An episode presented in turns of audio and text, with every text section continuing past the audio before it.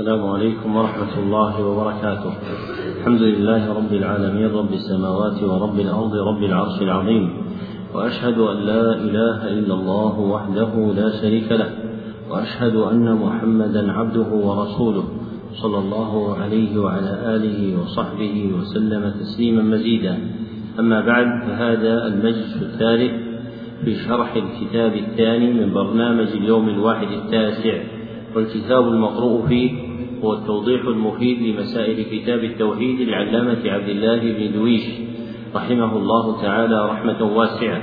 وقد انتهى بنا البيان إلى قول المصنف باب قول الله تعالى فلا تجعلوا لله أندادا وأنتم تعلمون نعم. الحمد لله رب العالمين وصلى الله وسلم على نبينا محمد وعلى آله وصحبه أجمعين. اللهم اغفر لنا ولشيخنا وللسامعين. قال المؤلف رحمه الله تعالى باب قول الله تعالى فلا تجعلوا لله أندادا وأنتم تعلمون. فيه مسائل الأولى تفسير آية البقرة في الأنداد أي قوله تعالى فلا تجعلوا لله أندادا وهذا من اتخاذ الأنداد في الشرك الأصغر.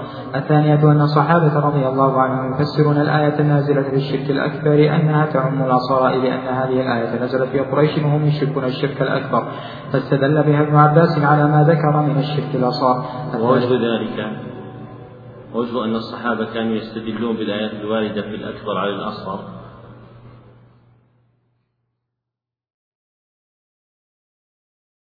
أحسنت لوقوع الاشتراك بينهما في الحقيقة فإن الشرك الأكبر والأصغر يشتركان جميعا في اشتمالهما على جعل شيء من حقوق الله لغيره وتقدم التنبيه إلى هذا. نعم. صلى الله عليكم الثالثة أن الحلف بغير الله شرك إلى قوله من حلف بغير بغير الله فقد أشرك. الرابعة أنه إذا حلف بغير الله صادقا فهو أكبر من اليمين الغموس أي أن الحلف بغير الله شرك أصغر واليمين الغموس كبيرة والشرك وإن كان أصغر فهو أكبر من الكبائر. الخامسة الفرق بين الواو ثم في اللفظ أي ما كان بالواو لا يجوز لأنها تقتضي التسوية والتشريك وما كان بثم فيجوز لأنها للتراخي فلا تقتضي تسوية ولا تشريكا. ما ذكره الشارح وغيره من أن الإتيان بثم يجوز لأنها للتراخي محله فيما كان في الأمور الظاهرة. أما في الأمور الباطنة فلا يؤتى بها فيصح أن يقول العبد اعتمدت على الله ثم عليه لأن الاعتماد يتعلق بالأمور الظاهرة ومنه الوكالة الشرعية. ولا يصح أن يقول توكلت على الله ثم عليه لأن التوكل عبادة باطنة والعبادة الباطنة تكون خالصة لله وحده. نعم. الله عليكم. باب ما جاء في من لم يقنع بالحلف بالله فيه مسائل. الأولى النهي عن الحلف بالآباء. لقوله لا تحلفوا بآبائكم. الثانية الأمر للمحلوف له بالله بالله أن يرضى أي إذا لم يظهر له كذب الحالف تعظيما للمحلوف به ورضا بالحكم الشرعي الذي جعل له الذي جعل له اليمين على خصمه إذا كان عند حاكم من حكام المسلمين. ما ذكره الشارح رحمه الله تعالى في تفسير هذه الثانية في تفسير هذه المسألة الثانية فيه نظر والصحيح أن المسألة الثانية الأمر بالمحلوف له بالله أن يرضى به محلوفا أي يجب على العبد أن يرضى بالله محلوفا فهذا هو المعنى الذي اشتمل عليه الحديث. وتقدم بيان ذلك على وجه أتم في شرح كتاب التوحيد وهذا الموضع مما خلط فيه بعض الشراح والأشبه أن وجهه ما ذكرت لكم في موضعه اللائق نعم. الله الثالثة وعيد من لم يرضى إلى قوله ومن لم يرضى فليس من الله. باب قول ما شاء الله وشئت.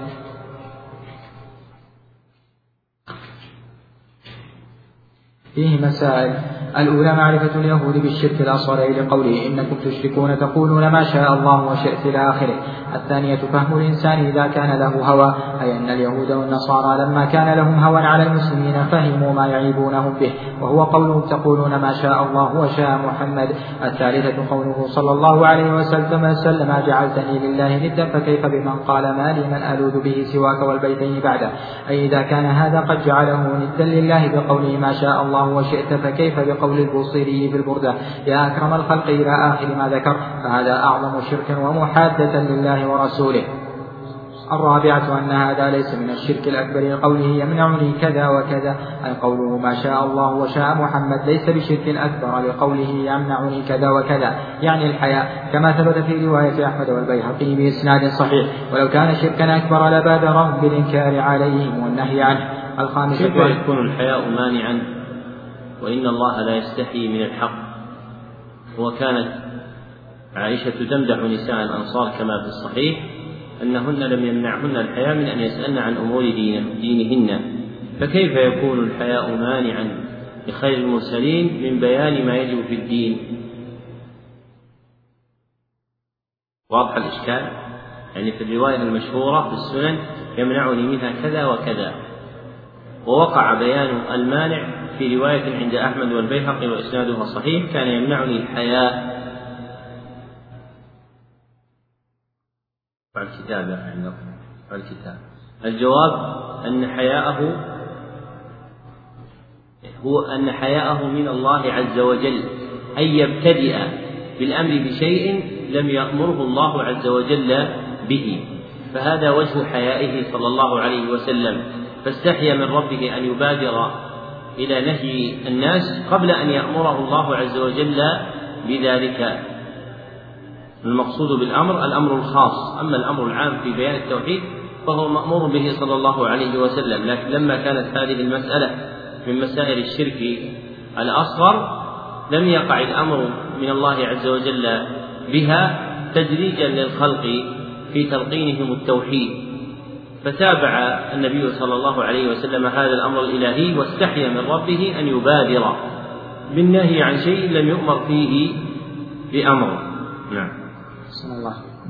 الخامسة أن الرؤيا الصالحة من أقسام الوحي إلى قوله إن طفيل رأى رؤيا السادسة أنها قد تكون سببا لشرع بعض الأحكام فإذا كان ذلك في وقت التشريع كما في هذا الحديث أما بعد ذلك فلا.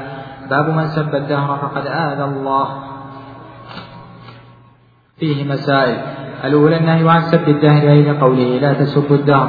الثانية تسميته, تسميته أذى لله أي لقوله يؤذيني ابن آدم يسب الدهر. والأذية تكون بمخالفة أمره لا بإيصال الضرر إليه. فإن الله عز وجل يقول إنهم لن يضروا الله شيئا. والأذى هو ما يكرهه الآمر والناهي. فإذا وقع منهم شيء على خلاف الأمر الشرعي كان ذلك أذية لله عز وجل فأذيتهم في وقوعهم فيما يخالف الأمر الشرعي. فيكون قوله تعالى إن الذين يؤذون الله ورسوله يعني بمخالفتهم للأمر الشرعي. نعم. صلى الله عليه الثالثة التأمل في قوله فإن الله هو الدهر أي مصرف الدهر لقوله يدبر الليل والنهار الرابعة أنه قد يكون سابا ولو لم يقصد أي لكونه جعل ذلك سبا بمجرد القول ولم يفرق بين من قصد ومن لم يقصد. باب التسمي بقاضي القضاة ونحوه. فيه مسائل الأولى النهي عن التسمي بملك الأملاك أي لقوله إن أقنع اسم إلى آخره. الثانية أن ما في معناه مثل أن ما في معناه مثله كما قال سفيان أي ما كان معنى ملك الأملاك فهو مثله في النهي عنه كما مثل سفيان بن عيينة أحد رواة أحد الرواة بشاه عن شاه وهو عبارة عن ملك الملوك عند العجم. الثالثة التفطن للتغليظ في هذا ونحوه مع القطع بأن القلب لم يقصد أي أن هذا التغليظ المذكور لمن تسمى بذلك ولو لم يقصد حقيقته لكون النهي مطلقا من غير فرق بين القاصد وغيره. الرابعة التفطن وأن هذا لأجل الله سبحانه أي أن هذا النهي لأجل الله سبحانه وأن يسمى غيره بشيء لا يليق إلا به جل وعلا. باب احترام أسماء الله تعالى وتغيير الاسم لأجل ذلك. فيه مسائل. الأولى احترام أسماء الله وصفاته ولو لم يقصد معناه. أي بترك تسمية المخلوق بها ولو لم يقصد معناه الخاص بالله الثانية تغيير الاسم لأجل ذلك أي كما غير التثنية بأبي الحكم إلى أبي شريح وقال إن الله هو الحكم. الثالثة اختيار أكبر الأبناء للكنية أي لقوله فمن أكبرهم؟ قال شريح قال فأنت أبو شريح. قول المصنف رحمه الله تعالى اختيار أكبر الأبناء للكنية لا يساعد عليه اللفظ الوارد في الحديث. فإن الوارد في الحديث فما لك من الولد. فكان وجه المسألة أن يقال اختيار أكبر الأولاد للكنية لأن الأولاد اسم يشمل الذكر والأنثى. أما الأبناء فاسم يختص بالذكور. والذي سأله عنه النبي صلى الله عليه وسلم هو سؤاله عن الأولاد فإنه ربما قدر أنه لم يكن له أحد من الذكور بل له أولاد من الإناث. فيكنى بأكبرهم. نعم. صلى الله. باب من هزل بشيء فيه ذكر الله أو القرآن أو الرسول. فيه مسائل. الأولى وهي العظيمة أن من هزل بهذا إنه أنه كافر. أي لقوله لا تعتذروا قد كفرتم بعد إيمانكم. الثانية أن هذا هو تفسير الآية في من فعل ذلك كائنا من كان. أي من استهزأ بالله وآياته ورسوله فقد دلت الآية على أنه كافر على أي حالة على أي حال وقع ذلك وبأي فعل كان. الثالثة الفرق بين النميمة وبين النصيحة لله ورسوله. أي أن ما ذكره عوف من كلام هؤلاء من النصيحة لا من النميمة لأنها نقل الحديث بين الناس على جهة الإفساد بينهم. الرابعة عوف هو عوف بن مالك الذي أبلغ النبي صلى الله عليه وسلم في واقعة المنافقين في غزوة تبوك. نعم. صلى الله عليه الرابعة الفرق بين العبد الذي يحبه الله وبين الغلظة على أعداء الله أي أنه لم يعف عن هؤلاء لكونهم يستحقون الغلظة وهي المناسبة والمناسبة في حقهم للعبد الذي يحبه الله لكونه غير مناسب هنا. الخامسة أن من الاعتذار ما لا ينبغي أن يقبل أي مثل اعتذار هؤلاء والسبب والله أعلم أنهم غير صادقين في ذلك. باب قول الله تعالى ولئن أذقناه رحمة منا من بعد ضراء مسته ليقولن هذا لي وما أظن الساعة قائمة ولئن رجعت إلى ربي إن لي عنده للحسنى فلننبئن الذين كفروا بما عملوا ولنذيقنهم من عذاب غليظ. بعض الإخوان قال لي لماذا ما نقرأ الأبواب الأحاديث والآيات وهو يعرف أن الأصل في الدروس نقرأ كل شيء؟ والجواب عنه ماذا؟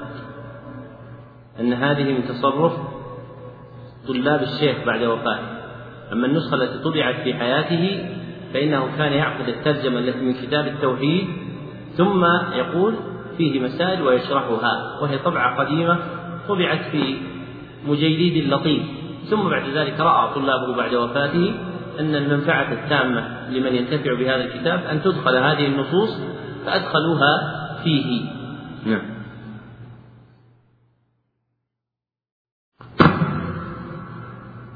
فيه مسائل. الأولى تفسير الآية قوله تعالى ولئن أذقناه رحمة منا الآية الثانية ما معنى قوله؟ ليقولن هذا لي أي هذا بعملي وأنا محقوق به الثالثة ما معنى قوله؟ إنما أوتيته على علم عندي أي على علم مني بوجوه المكاسب الرابعة ما في هذه القصة العجيبة من العبر أي قصة هؤلاء الثلاثة فإن الأول فإن فإن الأولين جحدا نعمة الله فحل عليهما ما حل من سخط الله والثالث اعترف بنعمة الله وشكرها فحصل له رضا الله عز وجل عنه. باب قول الله تعالى فلما آتاهما صالحا جعلا له شركاء فيما آتاهما فتعالى الله عما يشركون.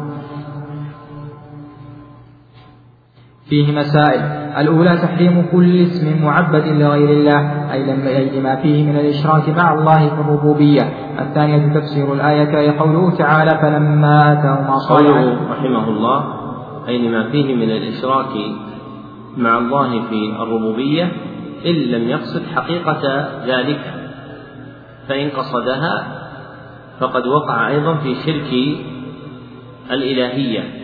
فلو قدر أن أحدا سمي بعبد علي أو عبد المنذر أو عبد الحسين كان ذلك شركا في الربوبية لأن عليا أو الحسين رضي الله عنهما لا يملكان أحدا من الخلق فذلك شرك في الربوبية.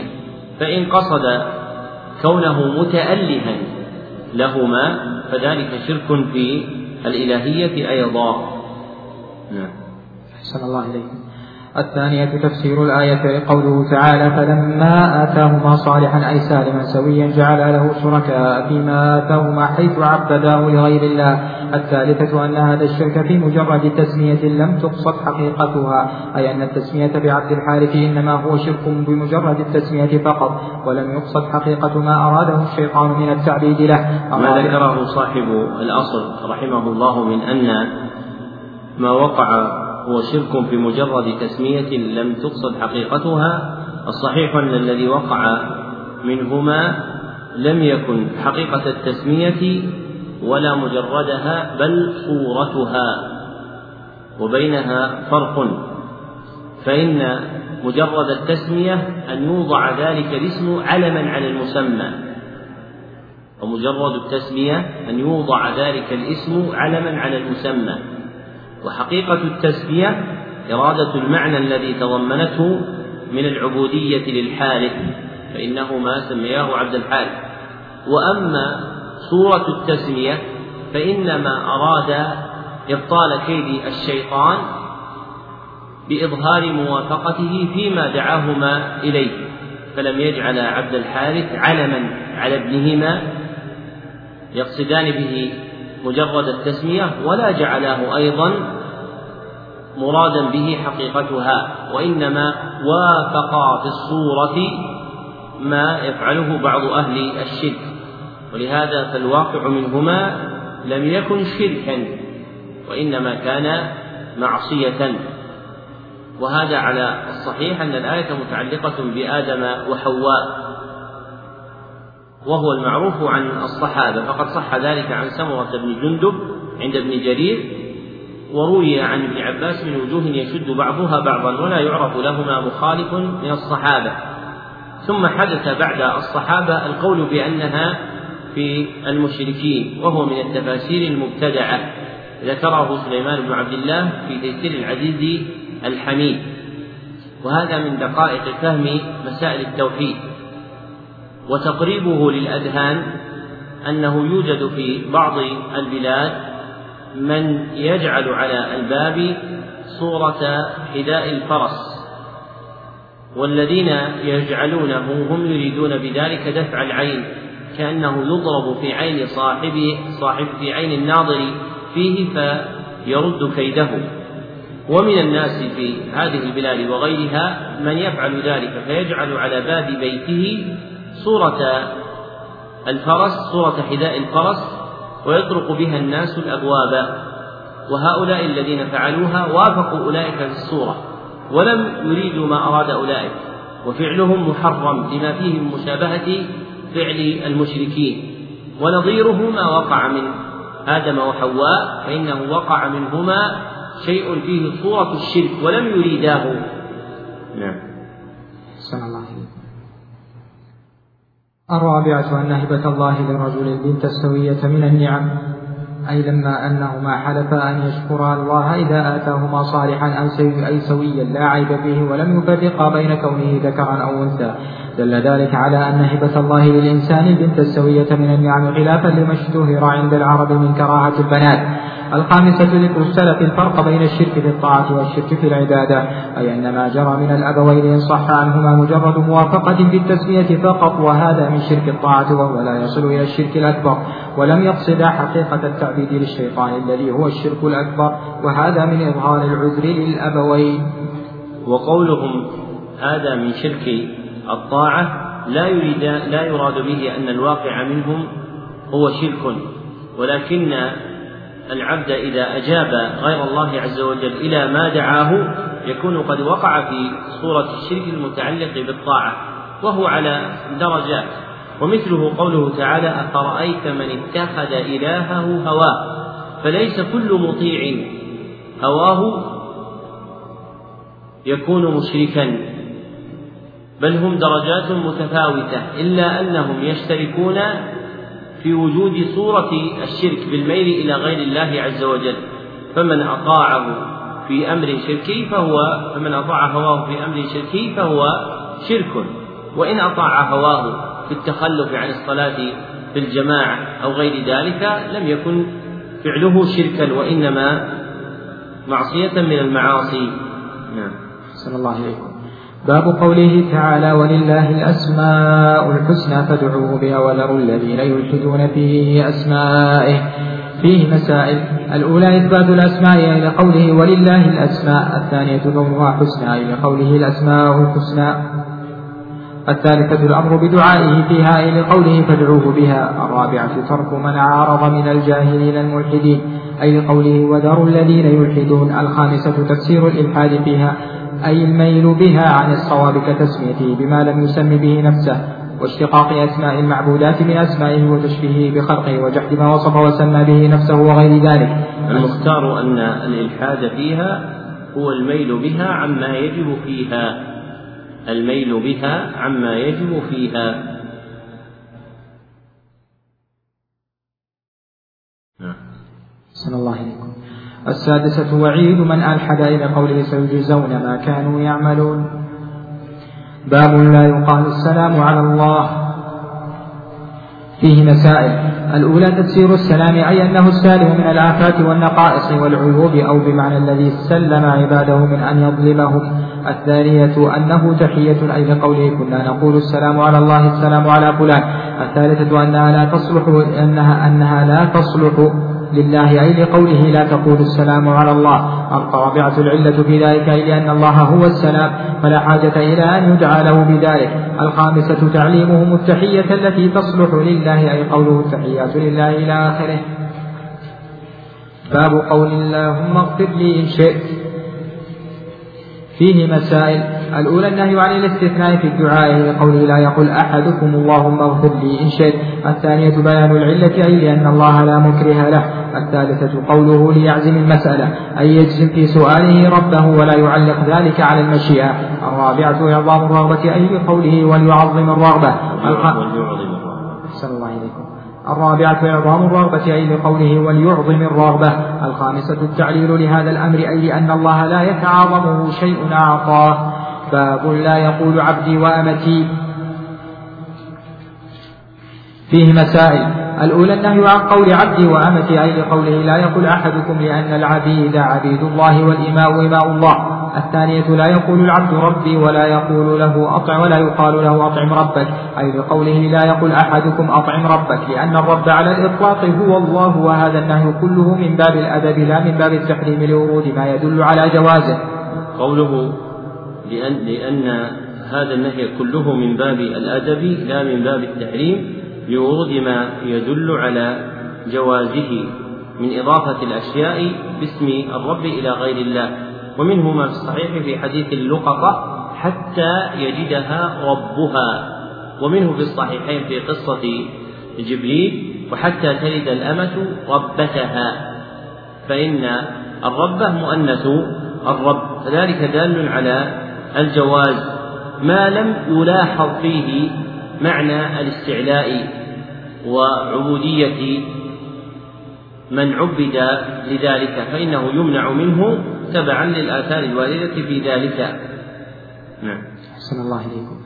الثالثة تعليم الأول قول فتاتي فتاي وفتاتي وغلامي أي تعليم الذي نهي عن قول عبدي وأمتي أن يقول فتاي وما ذكر معه. الرابعة تعليم الثاني قول سيدي ومولاي أي تعليم الذي نهي أن يقول أطعم ربك يقول سيدي ومولاي.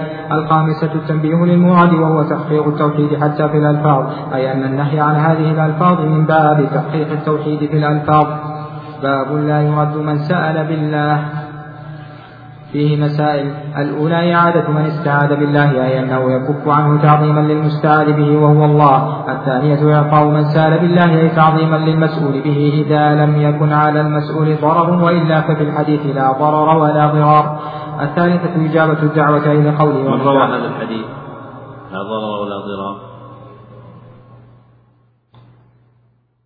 فإنه هذا لله نعم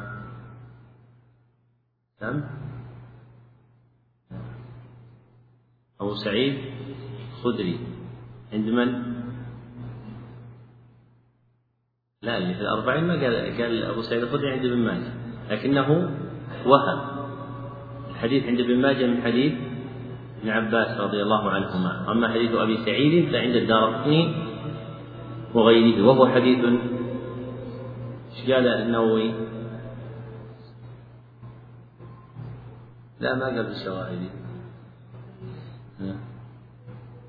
يعني روي من طرق يقوي بعضها بعضا. نعم. الله عليكم الثالثة إجابة الدعوة لقوله ومن دعاكم فأجيبوا وهذا إذا لم يكن ثم مانع من الإجابة. الرابعة المكافاة على الصنيعة لقوله ومن صنع إليكم معروفا فكافئوه. الخامسة أن الدعاء مكافأة لمن لم يقدر إلا عليها. إلى قوله فإن لم تجدوا ما تكافئونه فادعوا له.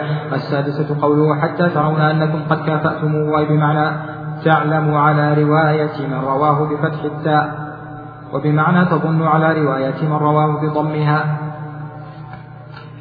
باب لا يسأل بوجه الله إلا الجنة. فيه مسائل.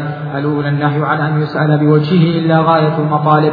أي الجنة ما يقرب إليه وما يقرب إليها ويباعد من النار وذلك تعظيما لوجه الله. الثانية إثبات صفة الوجه أي لله على ما يليق بجلاله وعظمته. وقد تقدم الجواب على قول المؤلف فيه مسائل مع أنه لم يذكر إلا مسألتين في الكلام على مسائل باب النشرة. وبينا أن ذلك وقع. لماذا؟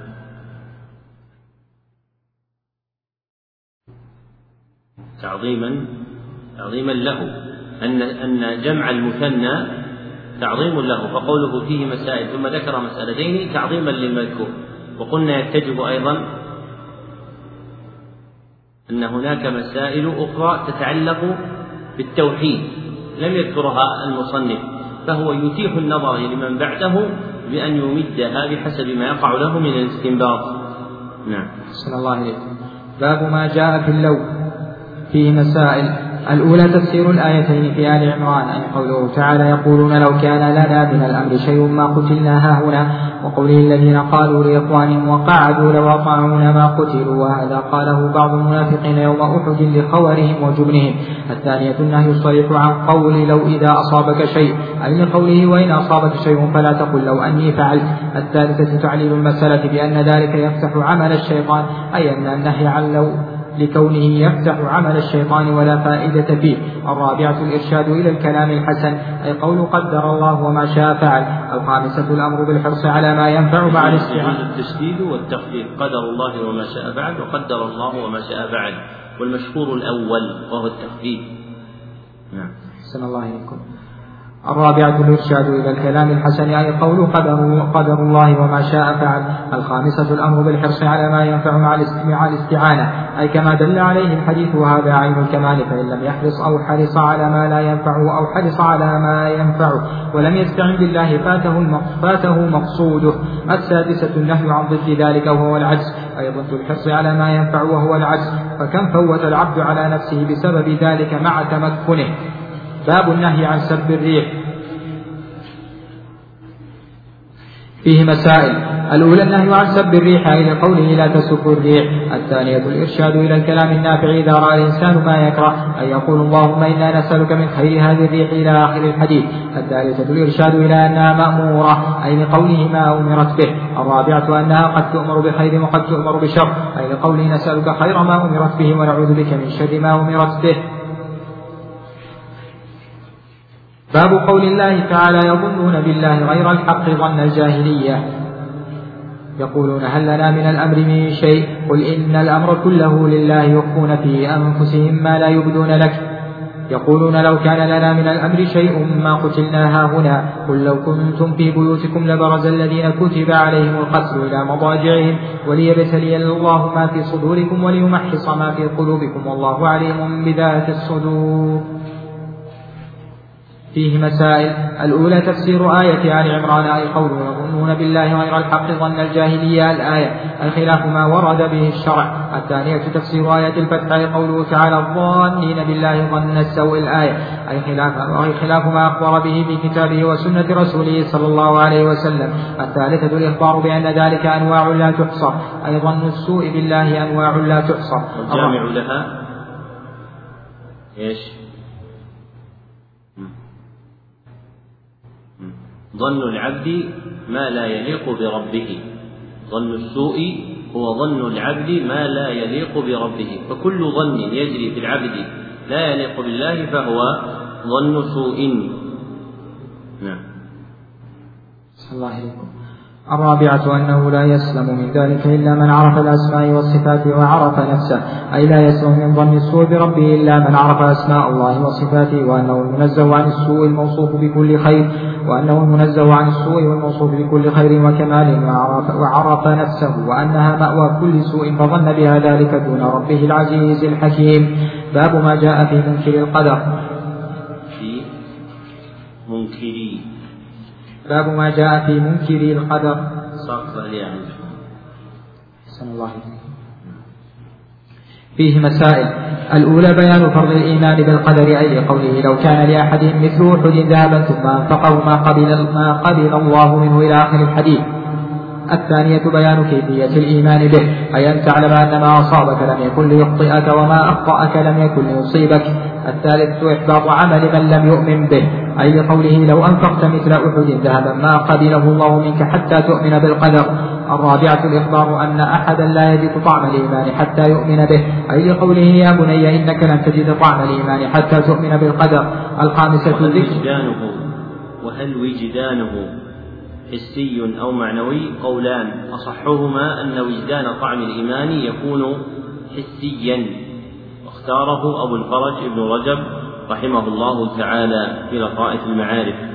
فيجد العبد حسا طعم الإيمان بما يجده في قلبه من الطمأنينة والسكينة وانشراح صدره.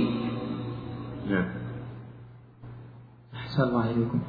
الخامسة ذكر أول ما خلق الله أي أنه القلم وهذا على أحد القولين والقول الآخر أنه العرش. والصحيح منهما أن الأول إيش؟ هو العرش.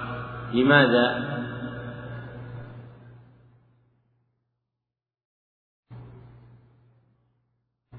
لأن الله سبحانه وتعالى كان قبل الأمر بكتابة القضاء عرشه على الماء.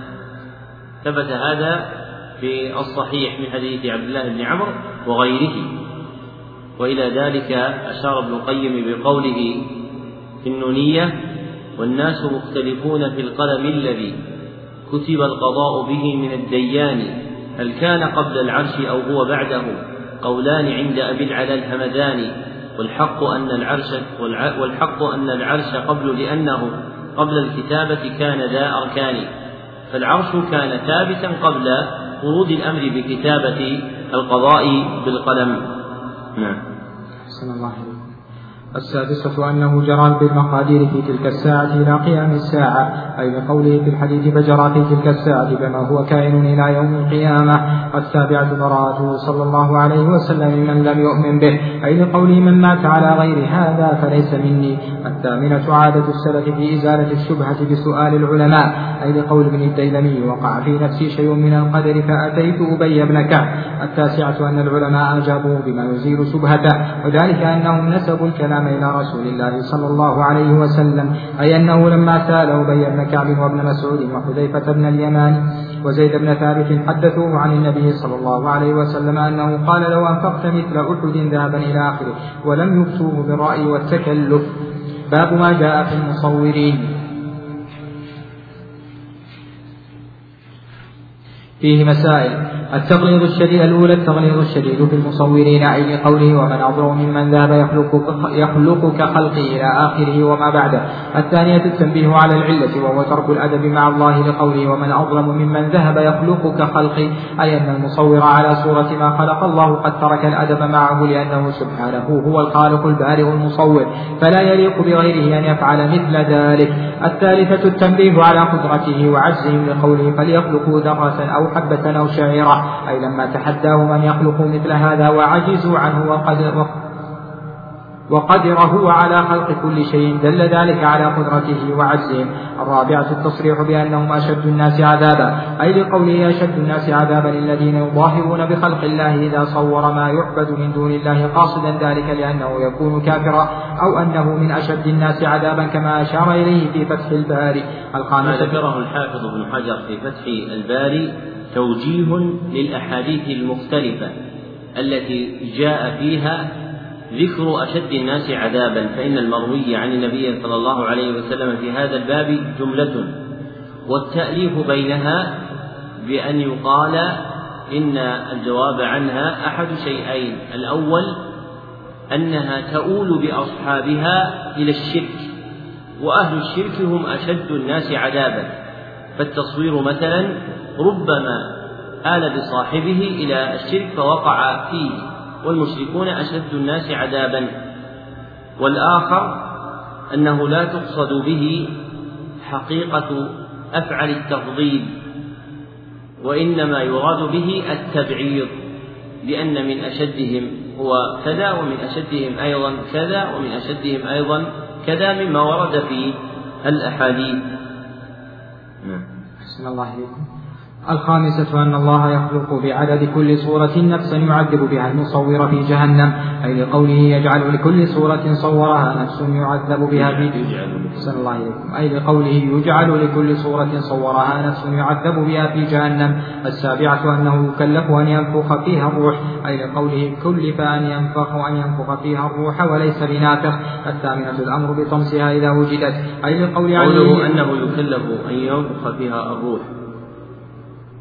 كيف يكلف والآخرة ليست دار تكليف وإنما دار إيش؟ جزاء. ما الجواب؟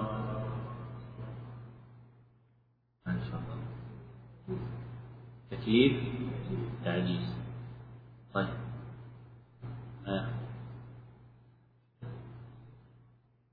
أن هذا من باب. طيب العبارة هنا قال يكلف أن ينفخ فيها الروح وهي واردة في الحديث. كلف أن ينفخ أن ينفخ فيها الروح إيش؟ إذا ما وجهه؟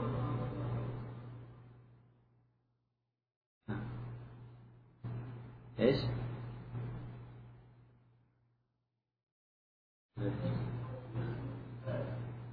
توبيخ الله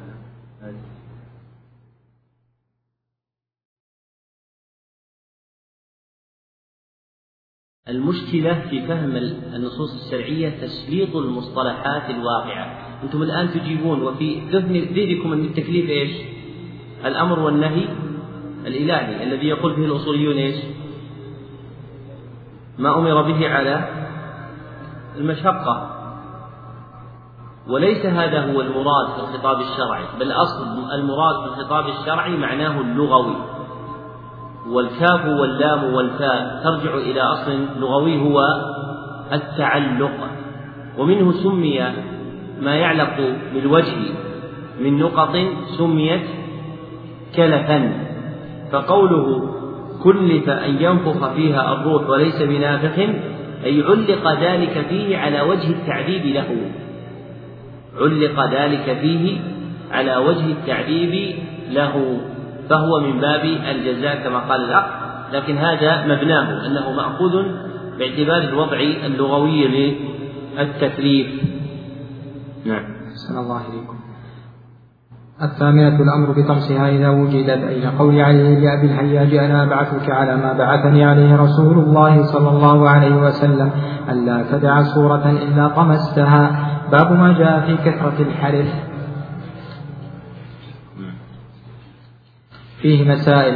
الأولى الوصية بحفظ الأيمان أي لقوله واحفظوا أيمانكم ومعناها لا تحلفوا أو لا تحنثوا أو لا تتركوها بغير تكبير الثانية الإخبار بأن الحلف منفقة للسلعة ممحقة للبركة أي كما دل عليه حديث أبي هريرة فإنه إذا حلف أخذ محققة للبركة.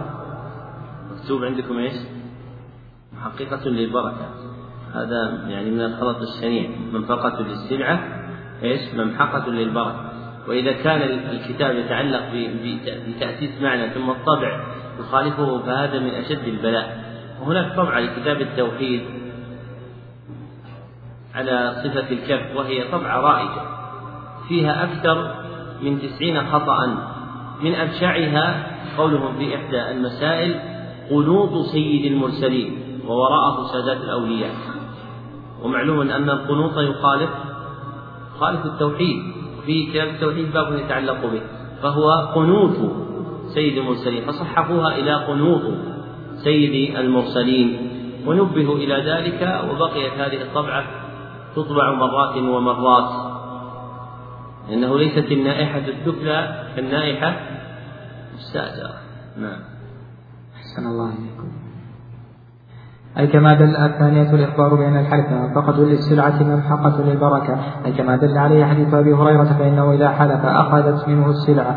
أخذت منه السلعة ولكن تمحق بركتها وحينئذ لا خير فيها. الثالثة الوعيد الشديد في من لا يبيع ولا يشتري إلا بيمينه أي أنه من الثلاثة الذين لا يكلمهم الله ولا يزكيهم ولهم عذاب أليم. الرابعة التنبيه على أن الذنب يعظم مع قلة الداعي أي لقوله أشنق الزاني وعائر مستكبر فإنهما لا داعي لهما. إلى المعصية فعظمت عقوبتهما بخلاف الشاب إذا زنى والغني إذا تكبر فإن لهما داعيا إلى ذلك. قول الشارح فإنهما لا داعي لهما إلى المعصية. النفي هنا لكمال الداعي لا لعدم وجوده بالكلية فالداعي موجود فيهما ولكنه ضعيف لأن النفس البشرية ما بقيت بقي فيها الداعي إلى المعصية. نعم. الله إليكم. الخامسة ذم الذين يحلفون ولا يستحلفون. أي بقوله تسبق شهادة أحدهم يمينه ويمينه شهادته. السادسة ثناؤه صلى الله عليه وسلم على القرون الثلاثة والأربعة وذكر ما يحدث بعدها. أي كما في حديث عمران في الثلاثة وحديث ابن مسعود في الأربعة ثم ذكر ما يحدث بعدها مما يخالف الشرع. السابعة ذم الذين يشهدون ولا يستشهدون. أي بقوله يشهدون ولا يستشهدون وهذا إذا لم يحتج إلى إذا لم يحتج إلى شهادتهم وإلا فقد ورد مدح ذلك. الثامنة كون السلف يضربون الصغار على الشهادة والعهد أي لئلا يتساهلوا بها كما قال إبراهيم النخعي. السلف المقصودون هنا هم من؟ أصحاب المسجد لأن النخعي قال كانوا يضربوننا. وما جاء من هذا البناء في كلام ابن مسعود في كلام إبراهيم النخعي فمراده أصحاب ابن مسعود. نص عليه أبو العباس ابن تيمية في منهاج السنة النبوية والعراقي في كلام نقله عنه الشيخ سليمان بن عبد الله في تيسير العزيز الحميد وليس في كتب موجودة بأيدينا وتبعه عليه الشيخ سليمان. نعم. أحسن الله إليكم. باب ما جاء في ذمة الله وذمة نبيه. وأشار إلى ذلك أيضا الشيخ محمد بن عبد الوهاب في مسألة متقدمة أن مراد النقعي أصحاب ابن مسعود. نعم. صلى الله عليه باب ما جاء في ذمة الله وذمة نبيه في مسائل. الأولى الفرق بين ذمة الله وذمة نبيه وذمة المسلمين أي أن ذمة المسلمين أهون وخطرها أقل. الثانية الإرشاد إلى أقل الأمرين خطرا أي أنه لما أرشد إلى إنزالهم على ذمته وذمة أصحابه دون ذمة الله وذمة نبيه خوفا من قتل ذلك مع أن الأول لا يجوز خفره لكنه أخف كان ذلك دليلا على الإرشاد إلى أقل الأمرين خطرا. الثالثة قوله اغزوا باسمي أي مستعينين بالله. اغزوا بسم الله أي مستعينين بالله. الرابعة قوله قاتلوا من كفر بالله أي امتنع من الإيمان بالله. الخامسة قوله استعن بالله وقاتله أي لكونه لا طاقة لهم بقتال إلا بإعانة الله. السادسة الفرق بين حكم الله وحكم العلماء أي حكم الله أعظم من حكم العلماء. ولذلك لا ينزل لا ولذلك لا ينزل لا ينزل عليه. صلى الله عليكم ولذلك لا ينزل عليه من طلبه إلا مع العلم به. السابعة في كون الصحابي يحكم عند الحاجة بحكم لا يدري أيوافق حكم الله أم لا أي بقوله وإذا حاصرت أهل حسن إلى آخره. باب ما جاء في الإقسام على الله. فيه مسائل. الأولى التحذير من التألي على الله أي الحليف عليه. الثانية كون النار أقرب إلى أحدنا من شراك نعله. أي لكون هذا الرجل ذهب به إليها بمجرد هذه الكلمة. الثالثة أن الجنة مثل ذلك. أي لكون هذا المذنب بمجرد ما قيل له قال الله له ادخل بمجرد ما قيل له قال الله قال الله له ادخل الجنة برحمتي. الرابعة فيه شاهد لقوله إن الرجل لا يتكلم بالكلمة إلى آخره أي أنه استوجب النار بسبب الكلمة التي قال وهي قوله والله لا يغفر الله لفلان. الخامسة أن الرجل قد يغفر له بسبب هو من أكره الأمور إليه أي أن هذا المذنب قد كان يكره أن يقال له والله لا يغفر الله لك فغفر له بسببها. هذا الذي ذكره الشارح غير متجه بل الذي كرهه هو نهيه عن غيه. فيما أسرف عليه فيما أسرف على نفسه فيه من المعاصي فإن من قيلت له كان مسرفا على نفسه من المعاصي فكان يكره أن ينهى عنها ويمقت ذلك فلما أسمع فيها التأنيب على فعلها وتطاول المؤنب له بمثل هذا الكلام غفر له. نعم. الله إليكم. باب لا يستشفع بالله على خلقه. فيه مسائل. الأولى إنكاره على من قال نستشفع بالله عليه أي نطلب من الله أن يطلب منك؟ وهذا ينافي عظمة الله عز وجل. الثانية, الثانية تغيره تغيرا عرف في وجوه أصحابه من هذه الكلمة. أي إنكارا لهذه الكلمة. الثالثة أنه لم ينكر عليه قوله نستشفع بك على الله أي نطلب منك أن تسأل الله لنا لكونه يقدر على ذلك. الرابعة التنبيه على تفسير سبحان الله أي تنزيها له عن هذا الكلام الذي لا يليق بجلاله وعظمته. الخامسة أن المسلمين يسألونه صلى الله عليه وسلم الاستسقاء أي في حياته يطلبون منه أن يستسقي لهم. أن يستسقي الله لهم. وأما بعد موته فلم يفعلوا ذلك بل عدلوا إلى غيره كما فعل عمر مع العباس ومعاوية مع يزيد بن الأسود الجرشي. مع يزيد بن الأسود الجرشي.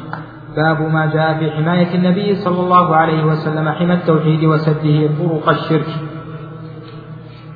فيه مسائل.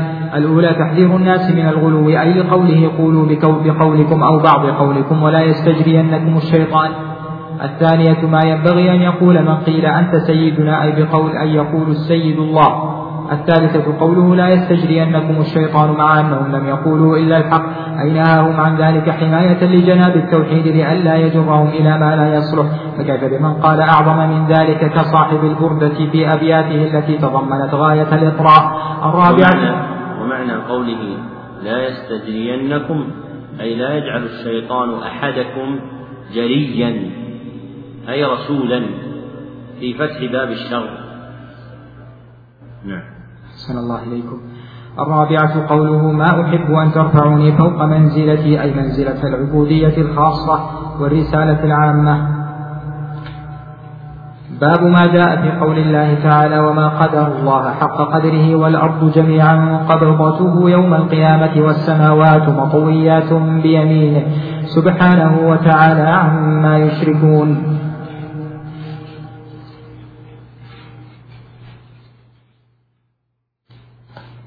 فيه مسائل. الأولى تفسير قوله تعالى والأرض جميعا قبضته يوم القيامة أن يقبضها بيده حقيقة كما دل عليه الحديث. الثانية أن هذه العلوم وأفعالها باقية عند أن هذه العلوم وأفعالها باقية عند اليهود الذين في زمنه صلى الله عليه وسلم. هذه العلوم الله عليكم الثانية أن هذه العلوم وأفعالها باقية الثانية أن هذه العلوم وأمثالها باقية عند اليهود الذين في زمنه صلى الله عليه وسلم لم ينكروها ولم يتأولوها. أي قوله إنا نجد أن الله يجعل السماوات على أصبع والأرض على أصبع إلى آخره مما هو دال على إثبات صفة الأصابع لله على ما يليق بجلاله وعظمته. فهذا مما بقي عندهم ولم ينكروه كما أنكروا صفة النبي صلى الله عليه وسلم وغيرها. الثالثة أن الحبر لما ذكر للنبي صلى الله عليه وسلم صدقه ونزل القرآن بتقرير ذلك أي صدقه فيما قال ونزل القرآن موافقا له لكونه قال حقا. الرابعة وقوع الضحك من رسول الله صلى الله عليه وسلم لما ذكر الحبر هذا هذا العلم العظيم. أي ضحك لكونه قال حقا لا إنكار على إنكارا عليه كما يزعمه من تأول هذا الحديث وقال إنه تعجب من تحريف اليهود. ومما يبطل دعوى هذا المدعي أن الصحابي قال فضحك تصديقا لذلك. وفهم الصحابي مقدم على غيره ولا سيما أنه حاضر المجلس. نعم. صلى الله إليكم. الخامسة التصريح بذكر اليدين وأن السماوات في اليد اليمنى والأرضين في الأخرى أي كما دل عليه حديث ابن عمر الذي في الصحيح وغيره. السادسة التصريح بتسميتها الشمال أي كما في الحديث المذكور الذي رواه مسلم وأما حديث وكلتا يدي يمين فلعله قال فلعله قاله دفعا لتوهم النقصان بتسميتها الشمال. قول صاحب الأصل التصريح بتسميتها الشمال أي في رواية لحديث ابن عمر عند مسلم. والأشبه أن هذه اللفظة شاذة وأن المحفوظ فيها هو الموافق للقرآن أنها اليد الأخرى. وقوله في حديث عبد الله بن عمر في صحيح مسلم وكلتا يديه يمين أي كلتا يديه منسوبة إلى اليمن والبركة والخير فليست إحداهما ناقصة عن الأخرى فكلاهما كاملة لا نقص فيها بخلاف المخلوق. الذي تكمل إحدى يديه فإما أن يكون كامل اليمنى معروفا بها وإما أن يكون كامل الشمال معروفا بها. أحسن الله إليك. السابعة ذكر الجبارين والمتكبرين عند ذلك. أي أن القادر على ذلك هو الجبار المتكبر حقيقة لا المخلوق الضعيف الحقير فإنه لا يليق به ذلك. الثامنة قوله كخردلة في كف أحدكم أي أنه دليل على صغر المخلوقات بالنسبة إليه جل وعلا. التاسعة عظم الكرسي بالنسبة إلى السماء أي قوله ما السماوات السبع في الكرسي إلا كدراهم سبعة ألقيت في ترس. العاشرة عظم العرش بالنسبة إلى الكرسي أي لقوله ما الكرسي في العرش إلا كحلقة من حديد ألقيت بين ظهري فلاة من الأرض. الحادية عشرة أن العرش غير الكرسي والماء. أن العرش غير الكرسي والماء أي قوله بين الكرسي والماء خمسمائة عام والعرش فوق ذلك. الثانية عشرة كم بين كل سماء إلى سماء أي بينهما خمسمائة عام. الثالثة عشرة كم بين السماء السابعة والكرسي أي بينهما خمسمائة عام. الرابعة عشرة كم بين الكرسي والماء؟ أي بينهما خمسمائة عام. الخامسة عشرة أن العرش فوق الماء. أي لقوله في حديث ابن مسعود والعرش فوق الماء. السادسة عشرة أن الله فوق العرش. أي لقوله والله فوق العرش. السابعة عشرة كم بين السماء والأرض؟ أي بينهما خمسمائة سنة. الثامنة عشرة كتف كل سماء خمسمائة سنة. أي كما في حديث حديث العباس بن عبد المطلب التاسعة عشرة أن البحر الذي فوق السماوات بين أسفله وأعلاه بين أسفله وأعلاه خمسمائة سنة والله أعلم. أي كما دل عليه حديث العباس بن عبد المطلب رضي الله عنه. والحمد لله رب العالمين. وصلى الله على سيدنا محمد وعلى آله وصحبه أجمعين. هذا آخر الكلام على هذه المسائل. وكان الفراغ منه آخر الخميس الموافق للخامس من للخامس من رمضان سنة ثمان وأربعمائة وألف. في مكة المكرمة حرسها الله تعالى. وهذا آخر البيان على هذا الكتاب بما يناسب المقام. وإلا فإن مسائل كتاب التوحيد حافلة بعلوم عظيمة وفيها فوائد جليلة وهي جديرة بالإفراد بالدرس وترتيبها على أبواب العلوم. فإن فيها كثيرا من المسائل النافعة سواء في التفسير أو في الفقه أو في السلوك والأخلاق. فينبغي أن يكرر طالب العلم النظر فيها ويستنبط منها. السؤال الأول من الأسئلة الثلاثة هذا السائل يقول هل المراد هل المراد من تقريركم أنه لا يدعى بيا الله؟ أسألك كذا لأنه مجور في القرآن والسنة. الجواب نعم المراد أن الأكمل أن لا يدعى بها فإنه لفظ هجر في الكتاب والسنة واستعيض عنه باللهم فإن اللهم ميمها عوض عن ياء النداء باتفاق أهل العلم نقله ابن القيم في جلاء الأفهام فالأكمل ألا يدعو الإنسان بها فإن دعا بها جاز ذلك لكنه ليس لفظا مأثورا مأمورا به. وتقدم من قبل أن الرب مع كونه لفظا مأثورا فإن دعاء الأنبياء وقع بدون ذكر أداة النداء. فلم يقل أحد من الأنبياء في دعائه يا رب وإنما قالوا ربنا ظلمنا أنفسنا. وقال موسى رب إني لما أنزلت إلي من خير فقير. والسر في ذلك شيئان. أحدهما طلب ألا يتقدم كلام الله شيء. طلب ألا يتقدم ذكر الله شيء فيكون أول المذكور كلام فيكون أول المذكور كلام الله اسم الله. والثاني أن يا أداة نداء للبعيد والله عز وجل قريب ليس ببعيد. استفيد هذا من كلام للشاطبي في الموافقات. هذا يقول قول الصحابة في حديث عكاشة فلعلهم الذين صاحبوا رسول الله صلى الله عليه وسلم ما المقصود بالصحبة هنا وكيف يقولون ذلك؟ وهم أنفسهم صحابة. ما وقع من الصحابة في عدة أحاديث من إطلاق هذا يريدون به الصحبة القديمة للنبي صلى الله عليه وسلم. فإن أقدم أصحابه هم أصدق الخلق في صحة لقب الصحبة عليهم. ولم يفهم هذا من زعم أن اسم الصحبة كائن لمن أسلم قبل فتح مكة. وأما من أسلم بعد فتح مكة أو بعد الحديبية لا يكون صحابيا وهذا من الغلط. بل الصحابة لهم درجتان. الأولى درجة خاصة وهي درجة الأوائل الذين أسلموا قبل صلح الحديبية. والثانية درجة عامة وهي درجة كل من صحب النبي صلى الله عليه وسلم ولو رآه فقط. ذكر هذا المعنى أبو الفرج بن الجوزي والسفارين في شرح عقيدته.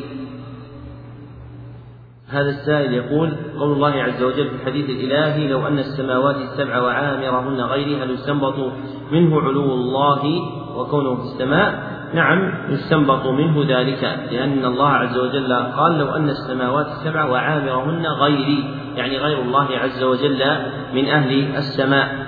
وقد ذكر ابن القيم رحمه الله تعالى باجتماع الجيوش الإسلامية أن الأدلة على علو الله عز وجل وكونه في السماء تزيد عن ألف دليل. ولأحد طلبة العلم من توفاه الله كتاب حافل اسمه علو الله على خلقه. مطبوع في جزئين. ذكر فيه أدلة كثيرة من القرآن والسنة تدل على علو الله وكونه في السماء. هذا آخر إجابة الأسئلة. غدا إن شاء الله تعالى درس الرسالة التبوكية بعد الفجر ولا اختبار بعد المغرب بل الاختبار في يوم السبت بعد المغرب إن شاء الله تعالى. كتاب التوحيد. وقبل أن تنصرفوا نهديكم هدية. أخترك لجنبك. ساعد شوفوا في كراتين في الجدار. جيبوها. الواحد يا إخوان في في مكانه. هذا كتاب مجموع يتعلق ببرنامج أساسي العلم الذي سيكون في الدمام إن شاء الله تعالى فخذوه نسخة لكم. وبعض هذه الكتب يكون مما وجد نسخة منه في البرامج السابقة لكن كل برنامج له وضعه.